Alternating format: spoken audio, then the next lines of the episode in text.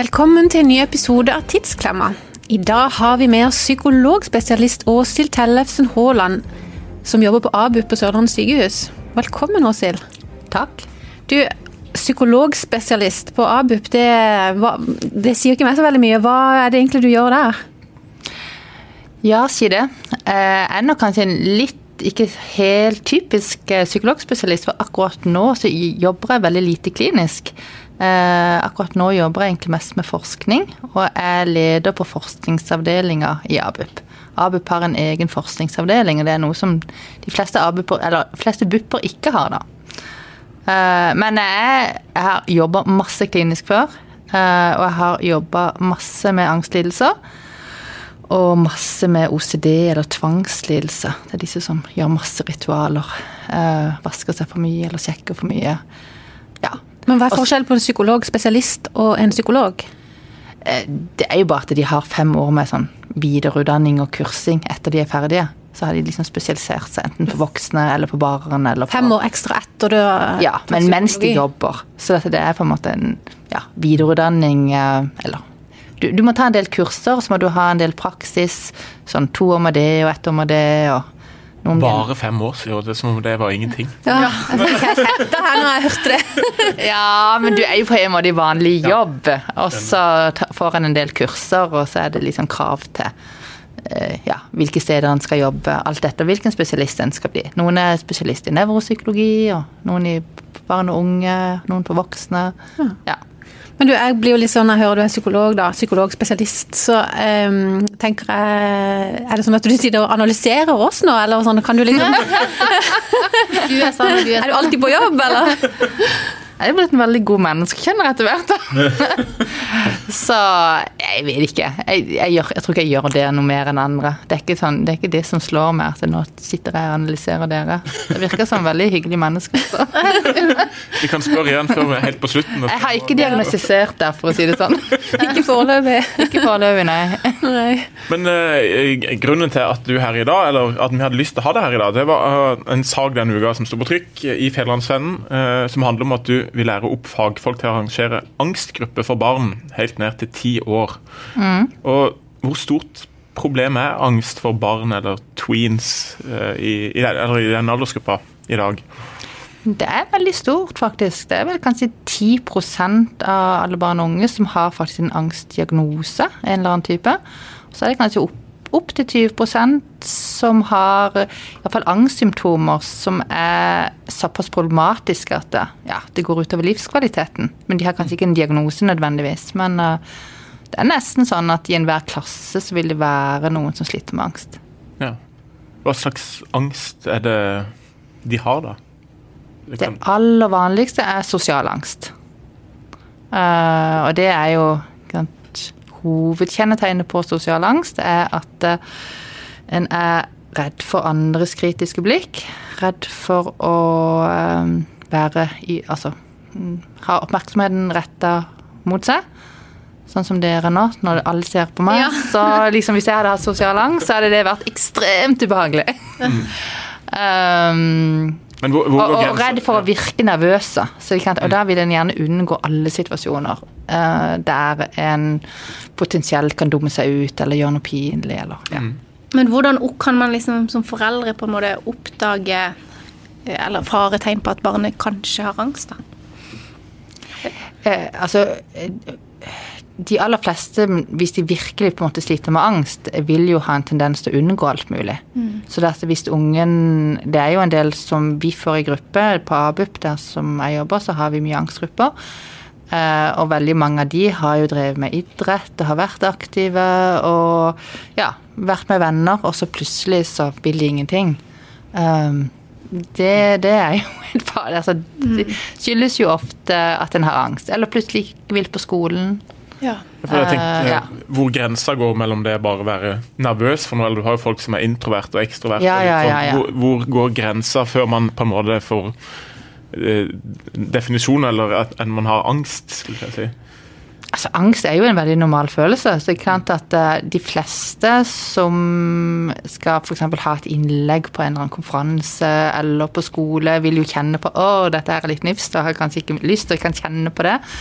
Eh, men det blir vel mm, Altså, når en kjenner at altså, det går ut av livskvaliteten, og du egentlig Altså, du tør ikke gjøre ting, eller unngå ting som du egentlig har lyst til, men du bare tør ikke. Så ikke sant, hvis, det, hvis jeg hadde en jobb, eller ja, eller sånn på skolen. Jeg Da er det jo på en måte forventning om at du skal presentere, du skal gjøre en del her gruppearbeid, du skal snakke med andre. Og hvis du på en måte stort sett unngår det, eh, så ville jo iallfall jeg som foreldre, hvis jeg hadde hatt har to døtre, da, hvis de hadde ja, åh, de vil ikke på skolen, og de vil ikke presentere, og læreren ringer og sier ja, nei, men hun, hun tør ingenting, eller hun vil bare presentere eller ha presentasjoner alene foran læreren, f.eks., mm. så vil jeg Oi, hva er dette for noe? Da bør det kanskje ringe en liten klokke. Så er det, er det faktisk angst dette dreier seg om? Mm. Men du skylder jo litt på foreldre og lærer også. ja. Men, ja. men, men, hva er det som kommer først? Er det på en måte foreldre og lærere som gjør noe galt, sånn at barna får angst, eller er det at barna har angst og at foreldre og lærere håndterer det på feil måte? Begge deler, tror jeg faktisk. Eh, fordi at hvis en, sånn, ugangs, altså, hvis en unge har veldig overbekymrende foreldre, de er vokst opp i et hjem der veldig mye er farlig, og kanskje foreldrene har litt angst sjøl, det går jo dessverre litt i arv, dette her, eh, så er jo eh, Så kan jo det på en måte skape litt angst hos barna. Altså du blir på en måte lært eller en blanding av genetikk og miljø, sikkert, men uh, der du altså, øker sannsynligheten rett og slett for at eh, barnet uh, får angst. Men uh, det som skjer da, uh, det er jo eksempel i, altså Når de eksempel går på skolen, så vil foreldre, foreldrene kanskje presse litt på at å ja, de må ha liksom spesielle tilrettelegginger, og de kan ikke gjøre sånn, eller de kan ikke gå på skoletur, og de kan ikke presentere foran de andre i klassen. Uh, og da er det en del lærere som kanskje det nok av og til strider litt imot ja, men er dette så lurt, og så, press, så er presset fra foreldrene såpass stort at uh, de liksom går med på det. Og da er det jo gjerne Så slipper de det. Så istedenfor å utfordre på en måte mm. situasjonene mm. hvor angsten kommer, så unngår de det? Mm. Og, og, klart at det er jo på en måte litt naturlig, for at en unge som sliter med angst, det er jo en veldig, veldig sterk følelse. Hvis en er livredd og virkelig vil unngå, så det blir jo gjerne konflikter, og de begynner å grine, og ja. Så det, kan, det er jo nok litt lett å gi etter. Um, så, så, jeg tenker eh, Så det er liksom én variant, men en annen variant er nok at altså, Ungene har vokst opp med egentlig helt sånn sett vanlige foreldre. Eller ikke noe spesielt overbeskyttende foreldre. Og så av en eller annen grunn så utvikler ungene angst. Og da begynner de først å bli veldig overbeskyttede. Eh, og tilrettelegge for unngåelsen, og er med veldig i den unngåelsen. Ikke sant? Hvis de ikke de tør å ta bussen, så kjører de de til skolen, f.eks. Mm, mm. Men er det noe forskning Eller la være å reise på ferie fordi at de tør ikke ta fly f.eks. Mm. Ja. Men hvilke konsekvenser kan det få for barna senere, eller er det noe forskning som sier noe om det? Eh, ja, altså Iallfall Det er jo derfor jeg er så opptatt av å på en måte komme inn med hjelp eh, tidligst mulig. Fordi at eh, altså ubehandla angst, det blir jo gjerne bare verre. Du, selvfølgelig så kan noen bare vokse det av seg, men uh, F.eks. ubehandla sosial angst eh, som ungdom øker jo eh, virkelig sånn faren for eh, å få rusproblemer, ja, andre alvorlige psykiske problemer seinere, faktisk. Så men sånn før, da, hvis du tenker sånn, når vi var yngre og små, så hørte man, hørte man, vel ikke så mye om barn som hadde angst? Er det, blitt mer, er det fordi det er blitt mer synliggjort, eller man kan mer om det? At at man hører mer om det nå enn det man gjorde før? Eller er det bare at vi ikke fulgte med da når vi var små? Har det økt at, i omfang? Har det økt liksom i omfang, ja? Altså, jeg er jo helt enig. Da jeg var liten Jeg kan, jeg kan ikke huske at det var snakk om det, egentlig. Nei. Men uh, det, jeg tror det har økt litt i omfang, men det er nok blitt mye mer oppmerksomhet bevissthet rundt det. Mange som har blitt oversett i årene? Som Ja, det har hatt tror jeg. Ja, det tror jeg. Og jeg tror iallfall det er mange som ikke har fått god nok behandling. Eh, og dessverre, selv om det er sånn at det er mye mer i media nå, og nok er jo noe med sosiale medier, at det nok kan Er det mange som ja, har blogger og skriver i sosiale medier òg, og på en måte innrømmer at de har angst. Eh, men, men jeg tenker, selv om det er såpass stor fokus på det, så tenker jeg nok at kompetansen nok rundt om er etter min mening for dårlig i forhold til å virkelig gi effektiv behandling. Og Det er jo derfor at vi nå har, eh, skal starte denne angstutdanninga eh, på Universitetet i Agder. Der eh, faktisk både lærere og helsepersonell, kanskje hovedsakelig helsesykepleiere nå, som det heter, eh, og kommunepsykologer skal, kan lære seg opp til hvordan faktisk drive sånn lavterskelgrupper som de kan ha ute på skolene. Mm. og der foreldrene blir sterkt involvert eh, sammen med skolen. For jeg har veldig tro på å, altså at lærere og foreldre samarbeider tett med altså gruppeledere i forhold til at ungdom eller barna skal bli kvitt angsten. Men hva er sånn, Kan kanskje ikke snakke om odds og sånn her, men hva, hvis du kommer inn tidlig og oppdager angst og barnet får hjelp, hvor gode sjanser er det for at de på en måte får eh, hjelp til å bli kvitt det?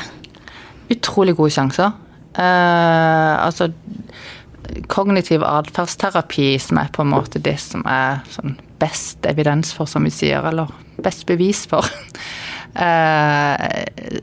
har jo vist seg å ha veldig god effekt for angstbehandling av angstlidelse. Så det er mm, Altså når du tenker på forskning og studier, så er det jo 60-70% blir kvitt diagnosen etter behandling.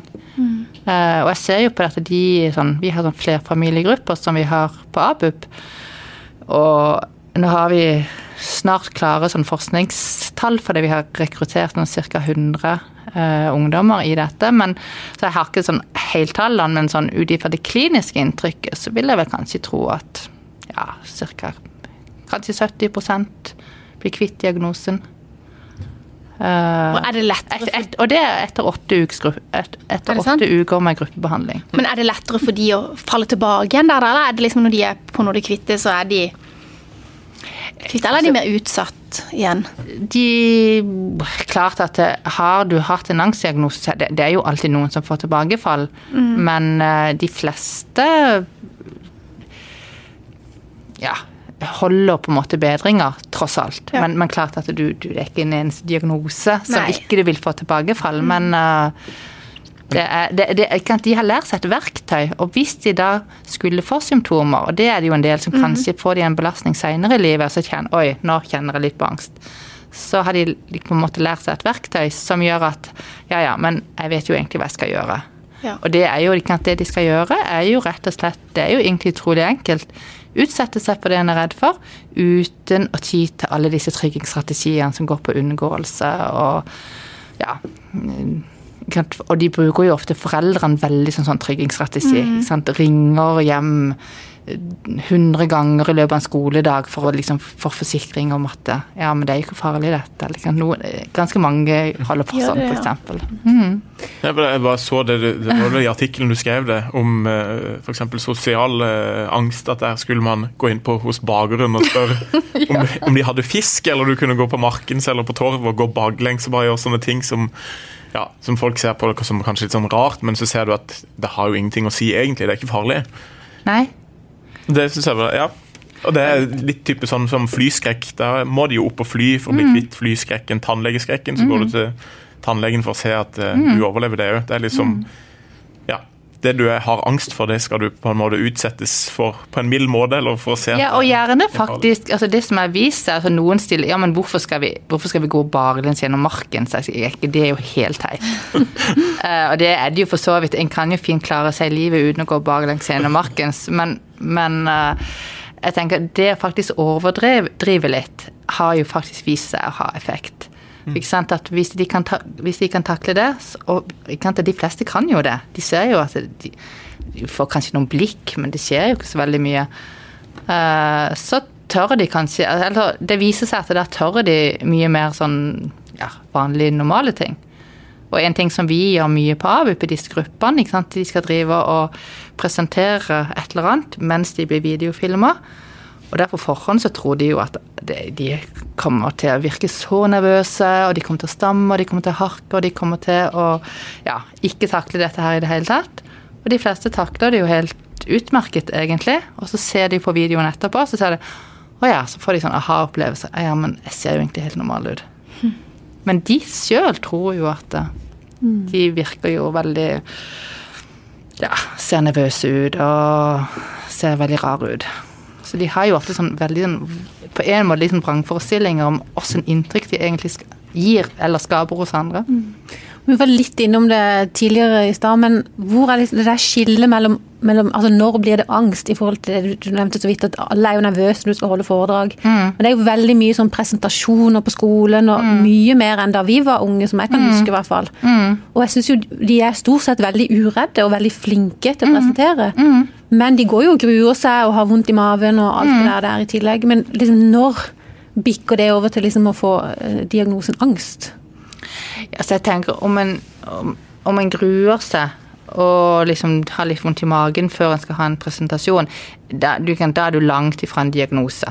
Mm. Det tenker jeg virkelig. Ja, jeg tenker, Det er det jo mange som har. Det er det mange som har. Det er jo ikke, du får ikke hjelp de fleste ja. til det. Har jo ja. redd for det. Og det har jeg jo ofte hatt. så det, det, kan, da, der, var det mange som hadde hatt en diagnose. Men jeg tenker at um, Si at jeg, før jeg kom til dette, nå har jeg vist dette noen dager, si at det eneste som hadde stått i hodet mitt, var at eh, nå skal jeg på en podkast, og jeg får ikke gjort noen ting, jeg bare går og gruer meg, og jeg kjenner hjertebank, og jeg, det, det, virkelig på en måte tar fokus. Går ut over andre ting, det, det går utover andre ting. Eh, det er ikke helt normalt igjen. Eh, der en gruer seg så mye at en omtrent ja, en, en har aller mest lyst til å unngå, og hvis en faktisk gjør det uh, Og noen får jo faktisk òg angstanfall under en presentasjon, selv om uh, eller, er, eller er så livredd for det og har så mye forventningsangst at det Altså, det tar livskvaliteten. Tenk at da begynner du å nærme deg Altså, ja. Så, så det er egentlig det, det er graden av det. Det er ikke mm. egentlig angstsymptomer, som å ha vondt i magen eller kjenne at stemmen begynner å dirre litt, eller Altså, det tror jeg vil kanskje de fleste ha opplevd en eller annen gang i livet. Så det, det er jo på en måte normal angst. Men det er på en måte omfanget som Det er det som egentlig avgjør om du har en diagnose. Ryan Reynolds her fra Mint Mobile. Med prisen på nesten alt som går opp under inflasjonen, trodde vi at vi skulle bring our prices down. So to help us, we brought in a reverse auctioneer, which is apparently a thing. Mint Mobile unlimited premium wireless. Ready to get 30, 30, bit to get 30, bit to get 20, 20, 20, bit to get 20, 20, bit to get 15, 15, 15, 15 just 15 bucks a month. So, Give it a try at mintmobile.com/switch. slash $45 up front for 3 months plus taxes and fees. Promo for new customers for limited time. Unlimited more than 40 gigabytes per month slows. Full terms at mintmobile.com.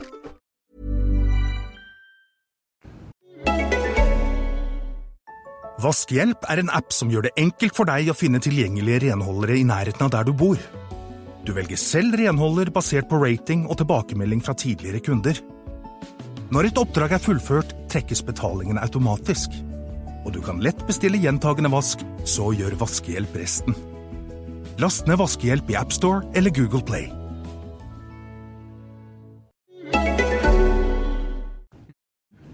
Vi var litt inne på foreldrerollen i stad tenkte vi, Den har jo endra seg ganske kraftig de siste ti årene. fra ja, Skal ikke si at folk, foreldre tidligere var Men da var det eh, ikke eh, hva skal man si, var så involvert med barna sine som de er nå. Men, har vi gått på, men de var vel litt mindre involvert eh, tidligere enn de er nå. Har vi gått fra den ene grøfta til den andre, tenker du? Som foreldre generelt. At de har gått til å være veldig involvert i barna og overbeskyttende kontra det man var for kanskje 40-50 år siden? Altså, jeg tror jo det. Jeg bare ser litt, iallfall på min egen oppdragelse, og åssen jeg oppdrar mine barn, at jeg tenker at uh, Ja, jeg er tettere på på et vis. Uh, Og jeg tror jeg fikk lov til ting som ikke mine får lov til i del, eller fikk lov til. Uh, så, så jeg tror jo det. For at nå spør du litt sånn generelt, ikke bare i forhold til angst. Nei, men mer generelt. Uh, ja, det tror jeg. Det vi, vi Ja. Vi vel Mange blir litt sånn curlingforeldre. Og hva kan det føre til, da? For barnas skyld, eller barnas del? Altså For å liksom eh, litt gå tilbake til det som vi snakket om i stad, som jeg tenker eh, Altså, du fratar du jo lett noen mestringsopplevelser. Eh? Engstelige foreldre de har en tendens til å bli, liksom, gjøre altfor mye for barna, som de egentlig bør veldig fint kunne klare sjøl. Og klart at hvis en sånn generelt gjør det som foreldre, så vil en jo på en måte frata unger en del mestringsopplevelser. Eh, som gjør at eh, Ja, jeg, jeg tror kanskje Altså Som voksne så altså, i hvert fall no, En del vil kanskje bli litt mindre selvstendige. Men Eh, er det sånn at vi gjør de egentlig en bjørntjeneste når vi legger til rette med ja, laver middag og kjører, dit, ja, kjører til fritidsaktiviteter, pakker gymbagen og altså, Vi gjør jo det i beste mening for Ja. at vi liksom vil gjøre livet de sitt enklere. Men er det egentlig bare veldig dumt av oss? Altså, En skal jo bry seg. Altså, en må aldri slutte å bry seg, men jeg tror ikke vi trenger å gjøre alle disse tingene. Altså, Nei, men vi altså, var, bare men- vi tre var jo litt uenige, for meg og Line er litt sånn som gjør alt eh, Jeg er enig med Om- psykologspesialisten. Rikard eh, blir helt Rikard blir helt sjokkert når han hører vi er og ser nesten samtlige fotballkamper de spiller og sånn. Rikard bare setter de av og Nei, det altså, sa, jeg sa jeg på fotballtreningene, var ikke Ja, du, det var ikke det du sa, du sa fotballkamp, men nå, du, nå modererer du det litt. Og han måtte sykle til alle, alt, mens Line ble kjørt. Ja, men jeg ble kjørt og henta veldig mye steder, og alltid sånn når jeg ble litt eldre, når jeg skulle hjem på kvelden, så var alltid, kunne alltid mamma eller pappa hente meg, og det var en utrolig god trygghet som jeg satte så ufattelig stor pris på. Og jeg tenker, det skal iallfall jeg være for mine tre sønner akkurat på samme måte, for dette Jeg føler ikke jeg har tatt noe skade av det, men det gjorde at jeg Ja, samme når det var altså, hvis jeg kom en siste buss, jeg tok jo buss noen ganger, så kom de og møtte meg eller henta meg eller ja. Nå har jeg Men, vokst opp eh, på, på Spangere, ja. ikke på den harde, harde byen. Du, ikke blitt, ja, det er ikke sånn at jeg har vokst opp i noe getto, liksom. Dette, vet men. Apropos det, jeg fikk akkurat en tekstmelding her, det var bare litt vittig siden vi, og det er fra min datter da på 16. Kan du kjøre meg fra byen til Spikeren? det er jo sykt langt. Hun er på trene. Men da Nå må du Så, bare svare nei. ja, Du. Du sier ja til det, sant? ja, selvfølgelig sier jeg ja til det. Men jeg, jo, jeg har jo en sønn på 14 som selvfølgelig kan smøre matpakka sjøl, men så Jeg kan han. Selvfølgelig kan han det, men jeg tenker sånn der Ja vel, jeg er oppe så tidlig likevel, så gjør jeg, sånn, gjør jeg det. Og så, ja. Kanskje dumt. Sy, han har sikkert kaktus eller pudder under armene, sikkert, men eh, Men altså, jeg tenker Det der kommer jo litt an på altså, mengden. Eh, klart at Hvis en gjør det i alle mulige situasjoner, så tenker jeg det blir feil. Men det er jo ikke det at ikke en skal gjøre noe heller. Men et, likevel, hvis en skal peke på en sånn tendens, så tenker jeg at eh, vi er kanskje litt for snille eh, på en del ting som de altså, Og på en måte da fratar de noen mestringsopplevelser, og kanskje da, hvis en har litt barn som er litt engstelige, eller som tenderer, og de har ikke akkurat noen diagnose, eh, så trenger de jo egentlig litt mye mer det Ja, men dette kan du klare sjøl. Uh, Istedenfor å For det, jeg tenker det en metakommuniserer, er jo at det, det kan jo iallfall være at Oi, men dette er litt, dette er litt farlig. Eh, eller dette klarer ikke du helt, eller?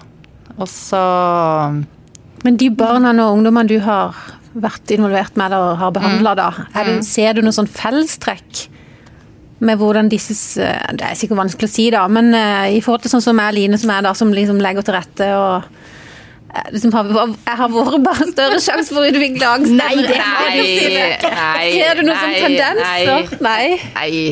nei altså, Jeg bare spør deg. det, det blir for enkelt å si. Men det som jeg kan i hvert fall si, det var, er at uh, hvis en da først har en unge med angst, eh, så er det veldig lite lurt å drive og legge om alle familiens rutiner fordi at det skal liksom passe inn til, den, til den, den, det engstelige barnet. eh, Og gjøre alt, og det er helt greit å gi at de får lov å ringe hele tida for å få den tryggheten eller forsikringer, f.eks. For eller sende tekstmeldinger hele veien. Ikke sant? Og det som vi kan da lære opp foreldre til, det er at eh, Nå svarer du egentlig bare med en frase. Altså, Husk avtalen, og da har dere egentlig en avtale om at det, du, du skal egentlig ikke sende sånne meldinger, ikke sant? For eksempel. Eh, men men uh, jeg, jeg tror at det som, det som faktisk også forskning har vist, det er at hvis den er sånn altså Ikke bare beskyttende, men rett og slett overbeskyttende. Hvis det er liksom det du viser absolutt hele tida, at du egentlig overbeskytter i veldig mange situasjoner, da har en faktisk sånn statistisk sett økt sannsynlighet for at en kan få en engst, et engstelig barn. Men, men klart at det, det, er jo, men da skal du overbeskytte. Det, det er ikke snakk om nødvendigvis å, at du bestemmer deg for at nå skal du um, kjøre ungen din til spikk. Jeg tenker for eh, Jeg føler eh, for at jeg ikke er overbeskytter, men mer at jeg, har, at jeg vil være omsorgsfull og Mm. snill og grei. Det er jo mer sånn jeg tenker på det. Mm. For det er jo ikke sånn at jeg eh, tenker at å nei, gud, du kan ikke gå og kjøre til trening sjøl, for det kan skje noe på veien. Eller du kan Det er jo ikke det. Det er mer bare at OK, da sparer du de minuttene hvis det er Ja.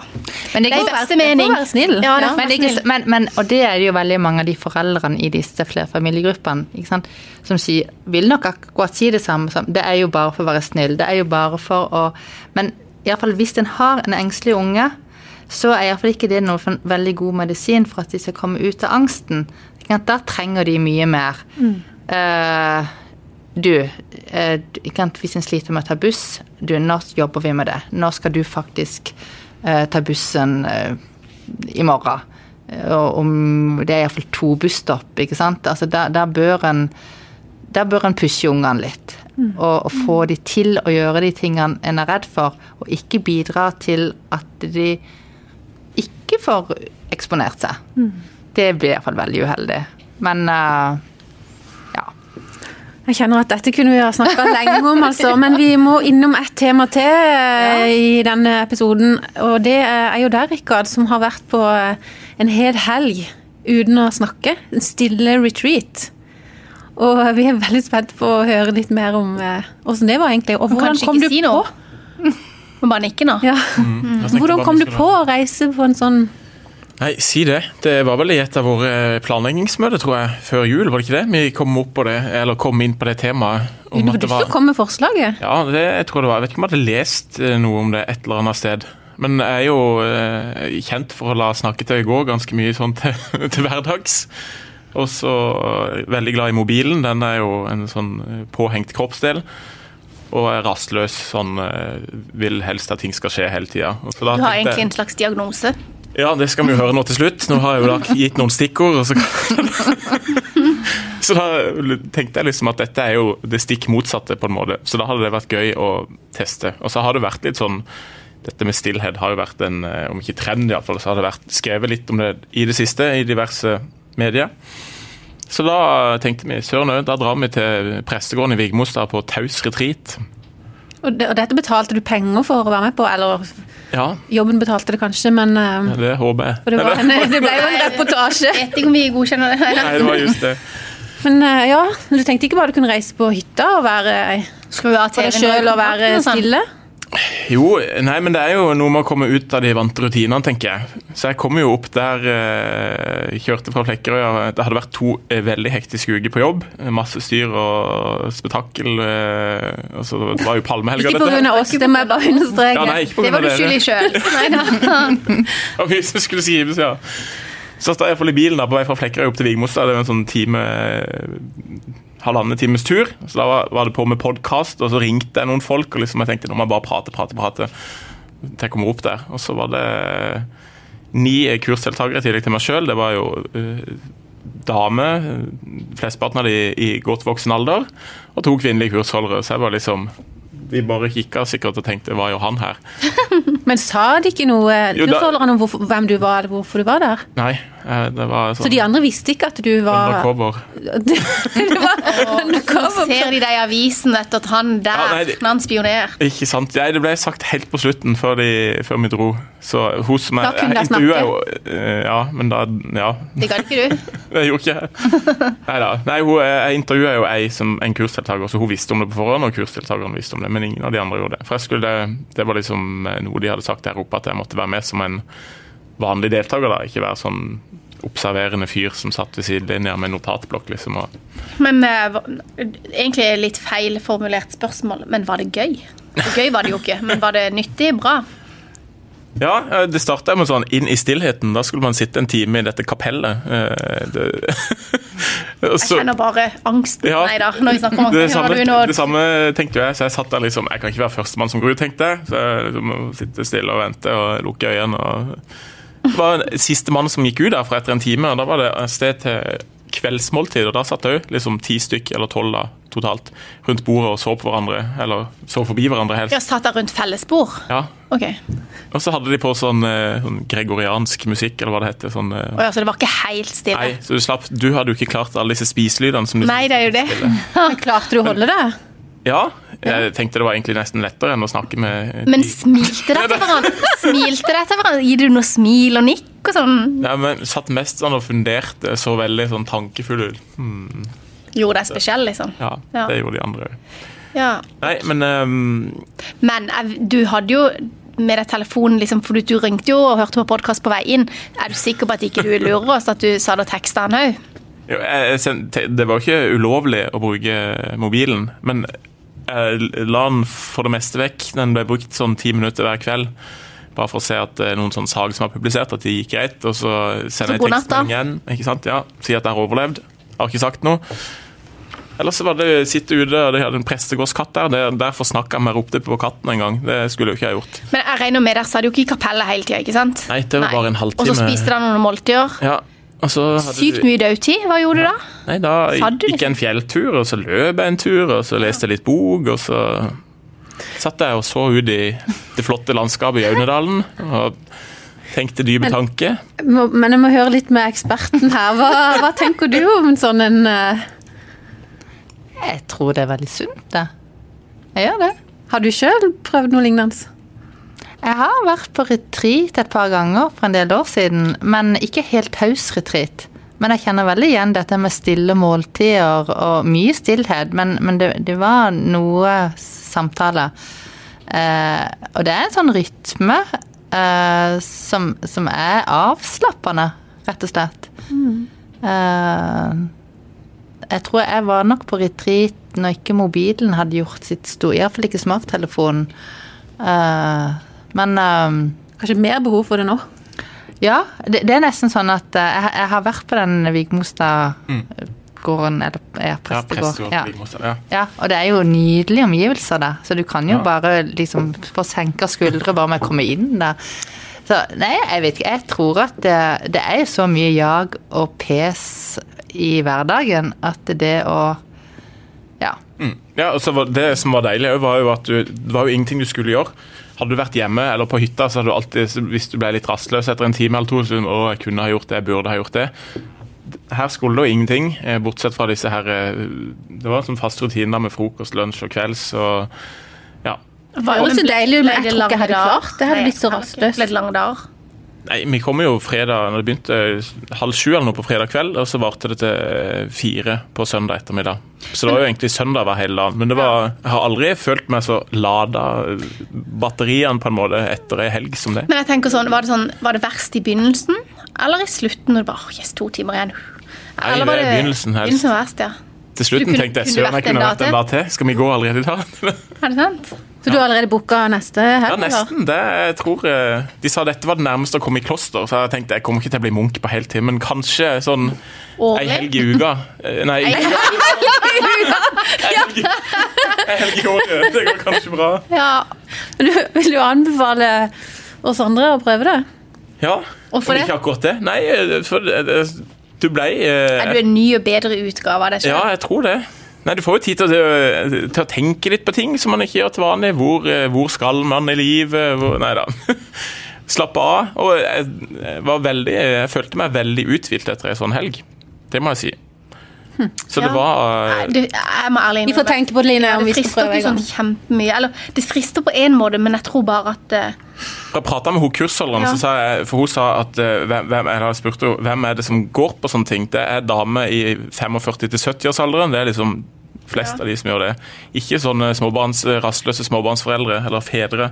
Men det er jo akkurat sånne som meg og, og deg og dere andre Ja. her, som trenger dette. Men, eh, som det kjører Jeg nevnte det for min mann. Han sa du hadde sikkert hatt godt av det, men jeg tror ikke du hadde klart det. Så jeg er litt enig med han der. Jeg tror ikke det. Det hadde vært gøy å se deg på det, Line. Det får bli en annen episode. Ja, og så må vi ikke glemme Line. Hun fikk en utfordring Ja, men, i påskeferien. påskeferien. Hun skulle da treffe en av Gislefoss eh, De var meteorologene. ikke. Du, Nei, men seriøst, nå, det er helt seriøst. og så gir oss en værmelding. ja, men jeg har ikke fått gjort det, for det Jeg hadde påskeferie, og så, fikk, så glemte jeg det midt litt oppi òg. Så jeg har faktisk Ja. ikke gjort det. Da finner vi Men- en ny utfordring til neste gang, kan vi ikke det? Mm. Jeg tror vi sier uh, tusen takk til Åshild for at du kom på besøk. Ja. Og takk for i dag. Hyggelig å være her.